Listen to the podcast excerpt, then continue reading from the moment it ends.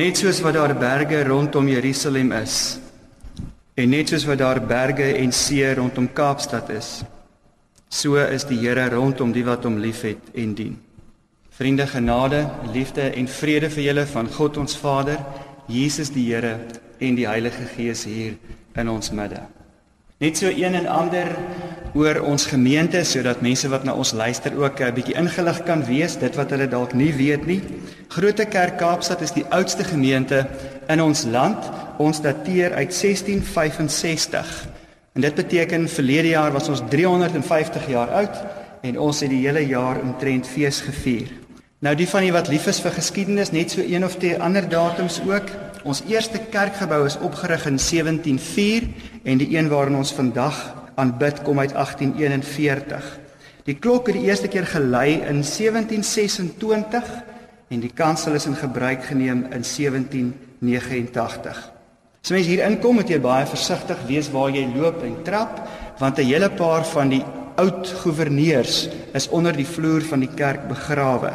Onder andere Simon van der Stel, Adrian van Kerwel, Ryk Tilbag en Pieter Baron van Rede van Oudtshoorn. My kollega is Rian de Villiers. Ons werk baie lekker saam. Ons het 'n baie goeie balans op die kerkraad tussen ouer mense en jonger mense, tussen broers en susters om nou kerktaal te gebruik. Ons glo dat ons nie net die gemeente moet in stand hou nie, maar dat ons ook moet uitreik en oor grense beweeg na die stad toe. En daarvoor vorm ons gedurig vennootskappe met ander kerke, ander gemeentes en ander organisasies sodat ons 'n groter impak in die stad kan hê. Ons is op reis saam met die Here en op hierdie reis wil ons al hoe meer 'n liefdesgemeenskap wees wat dien. Ons loflied is lied 184, lied 184. Ons sing daarvan strofes 1, 3 en 4.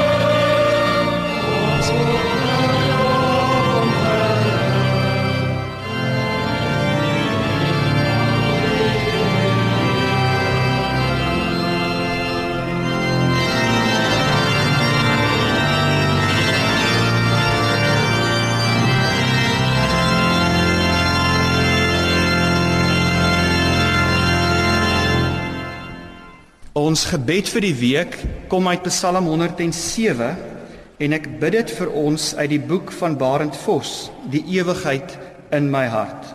Here, vir my is die aangrypende in die woestynverhale die manier waarop U vir die trekkers 'n tuiste was. Hulle het die skrapse sekerhede waaraan hulle gewoond was verlaat en op reis gegaan na 'n blyplek wat hulle beloof is. 40 jaar lank het hulle nie eintlik herwaarts of derwaarts geweet nie. maar U was vir hulle daar. 'n Onwrikbare vaste punt. Ek wonder of hulle toe ooit uitgevind het of aan hulle self erken het dat hulle bestemming die hele tyd by hulle was. Ek twyfel of hulle dit gesnap het dat u hul beloofde land was. Dat die een wat manna en kwartels en oorvloedige fonteine voorsien het in sy nabyheid hul melk en honing was. Hoe sou hulle dit ooit geweet het, Here? Al het u dit vir hulle met 'n lepel ingegee, want ook ons word deur lange jare heen melkkossies gevoer, meestal goed versoet. En ons herken steeds nie die hand wat ons voed nie. Inteendeel, hoe dikwels hap ons nie juis na daardie einste hand wat so gee en gee en gee nie. Ons is onvergenoegd Ons wil altyd nog hê. Here, die tragedie van ons menigvuldige dwaalinge is dat ons nooit sal erken hoe hopeloos ons reeds verdwaal het nie. Ons doen ons doelgerig voor.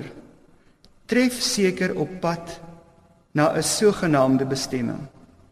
En ons wy ons lewe aan die voorbereiding vir die toekoms en die aankoms. Maar derentyd is U by ons, bo ons, voor ons, met ons, agter ons en onder ons. Ons word sonder onderbreking omsluit, omhels deur die leidende, versorgende, koesterende hande van Hom wat bestemming heet, tuiskoms, ewige woning. Amen. Ons gaan saam lees uit Kolossense 1 vanaf hoofstuk 15. Kolossense 1 vanaf hoofstuk 15. Voordat ons dit lees, gaan ek net so een of twee vinnige opmerkings maak. Hier in die stad word ons al hoe meer gekonfronteer soort van met die vraag watter godsdiens of watter geloof is nou die regte ene? Anders gestel, die godsdienstige spyskaart het nogal uitgebrei geraak. Daar's 'n hele klomp om van te kies. 'n Keuse vir die Christendom of vir Jesus is lankal nie meer 'n vanselfsprekendheid nie. Nou Paulus, by hom is daar natuurlik glad nie hieroor 'n kwessie nie. Hy wonder nie hieroor nie, hy weet. Luister wat sê hy in sy brief aan die gemeente in Kolosse Kolossense 1 vanaf vers 15 Die seun is die beeld van God van God wat self nie gesien kan word nie Die seun is die eerste verhewe bo die hele skepping God het deur hom alles geskep wat in die hemel en op die aarde is alles wat gesien kan word en alles wat nie gesien kan word nie. Konings, heersers, maghebbers, gesagvoerders. Alles is deur hom en vir hom geskep.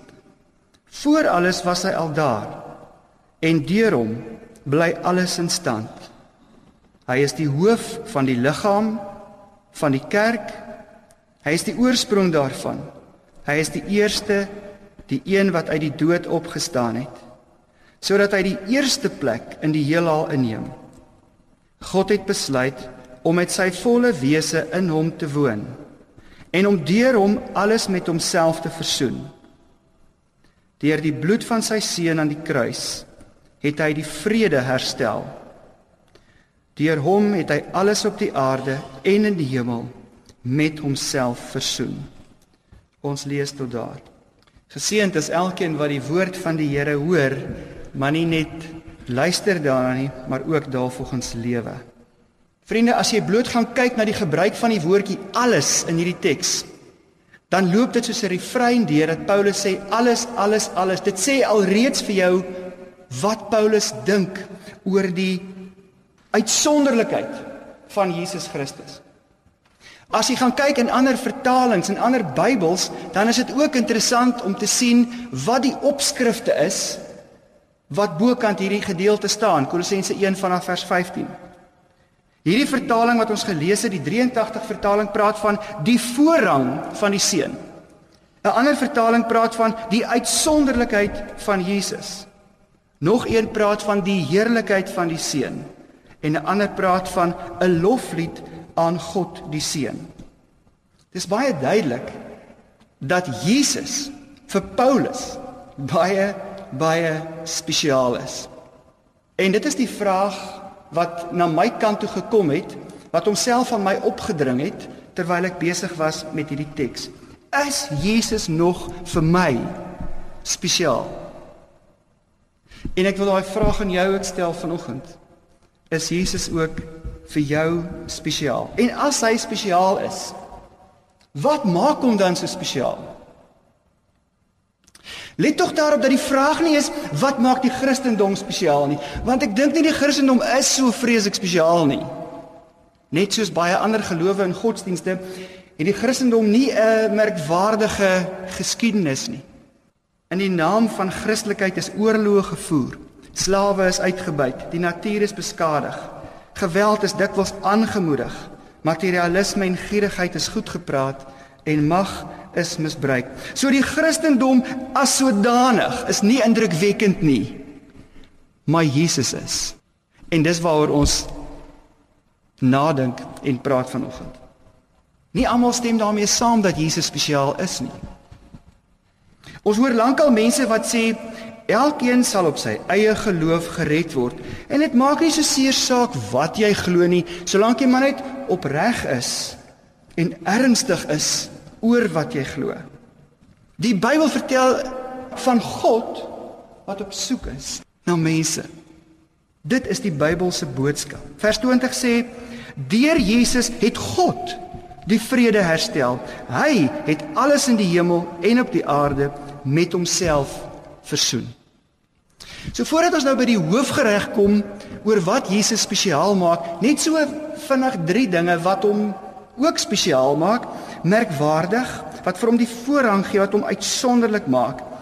En dit het te maak met sy invloed, sy leerstellings en sy lewenstyl of sy karakter. Kyk, ander leiers het groot invloed gehad. Ek wil nie te veel name noem vanoggend nie, maar dink aan Napoleon, Alexander die Grote, Khalil Gibran, Gandhi, Lenin, gaan aan.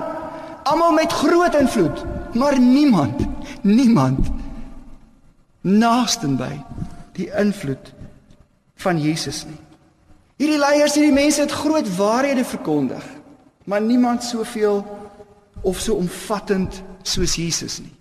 Baie van hulle het mooi lewens geleef, die meeste van hulle, nie almal nie, maar baie van hulle het mooi lewens geleef, maar niemand so perfek soos Jesus nie.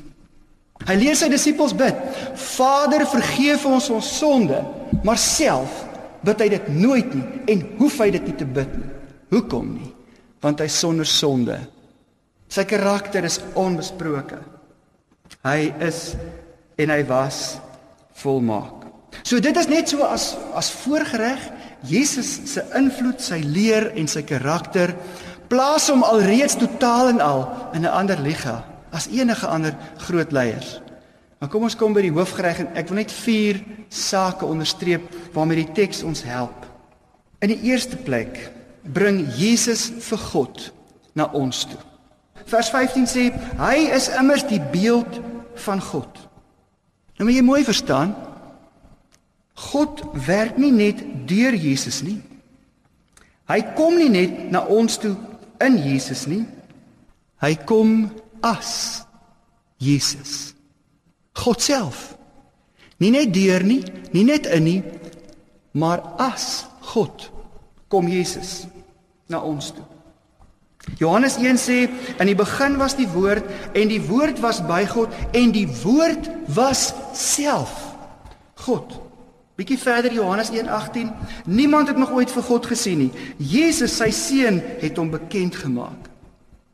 Met ander woorde as jy wil sien hoe God is, kyk mooi en goed en lank en diep na Jesus. Maar dis nie al nie. Daar is nog meer. Net Jesus noem God Vader. En hy sê vir ons deur sy versoeningswerk mag ons ook maar vir God Vader sê. Ek het op 'n stadium afgekom op 'n lys van Prins Charles se titels. Dit klink min of meer as volg: Hy is die Britse troonopvolger, sy koninklike hoogheid, die prins van Wales, die hertog van Cornwall. Hy is die ridder van die Kousband, die hoofkolonel van die koninklike regiment van Wales.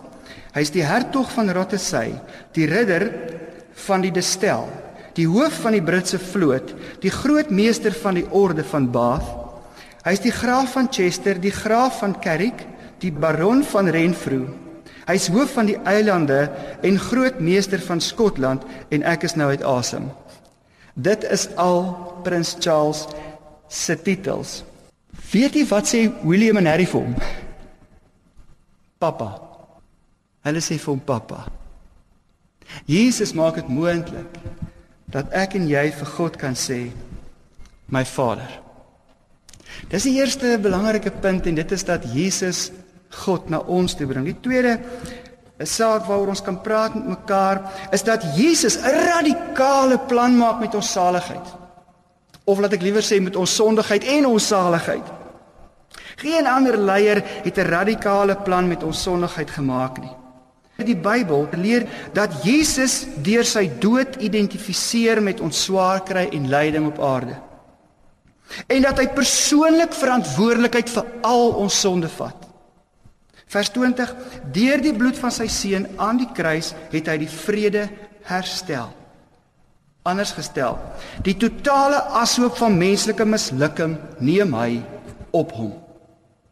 1 Petrus 3 vers 18 sê Christus het gesterf vir almal, die regverdige vir die onregverdiges. Jesus sê, jy sondig, ek betaal. Dit is die evangelie. Jesus maak 'n radikale plan met ons sondigheid. So Jesus bring God na ons toe. Jesus maak 'n plan met ons sonde en dan die derde een Jesus steek die finale grens oor. Anders gestel, geen ander groot leier in die geskiedenis het die finale grens oorgesteek en oorwin nie. Waarom praat ons? Ons praat oor die dood. Ek het een keer op die deur van 'n operasiesaal die volgende gelees. Die eerste 2 minute van lewe is baie kritiek. Toe iemand daarna onderaan gaan skryf die laaste 2 minute ook nogal. As jy op daardie punt nie duidelik het het oor waarheen jy gaan nie. Vriende, dan gaan jy nog voor jy dood is, gaan jy dood skrik. As jy 2 minute voor jou dood nog nie weet waarheen jy gaan nie. Eerste 2 minute is kritiek. Die laaste 2 minute net so kritiek. Vers 18 sê Jesus is nie begrawe nie. Hy is die eerste een wat uit die dood uit opgestaan het. Ander groot leiers se beendere kan jy gaan opgrawe. Sommige se beendere is versprei oor 'n klomp kontinente.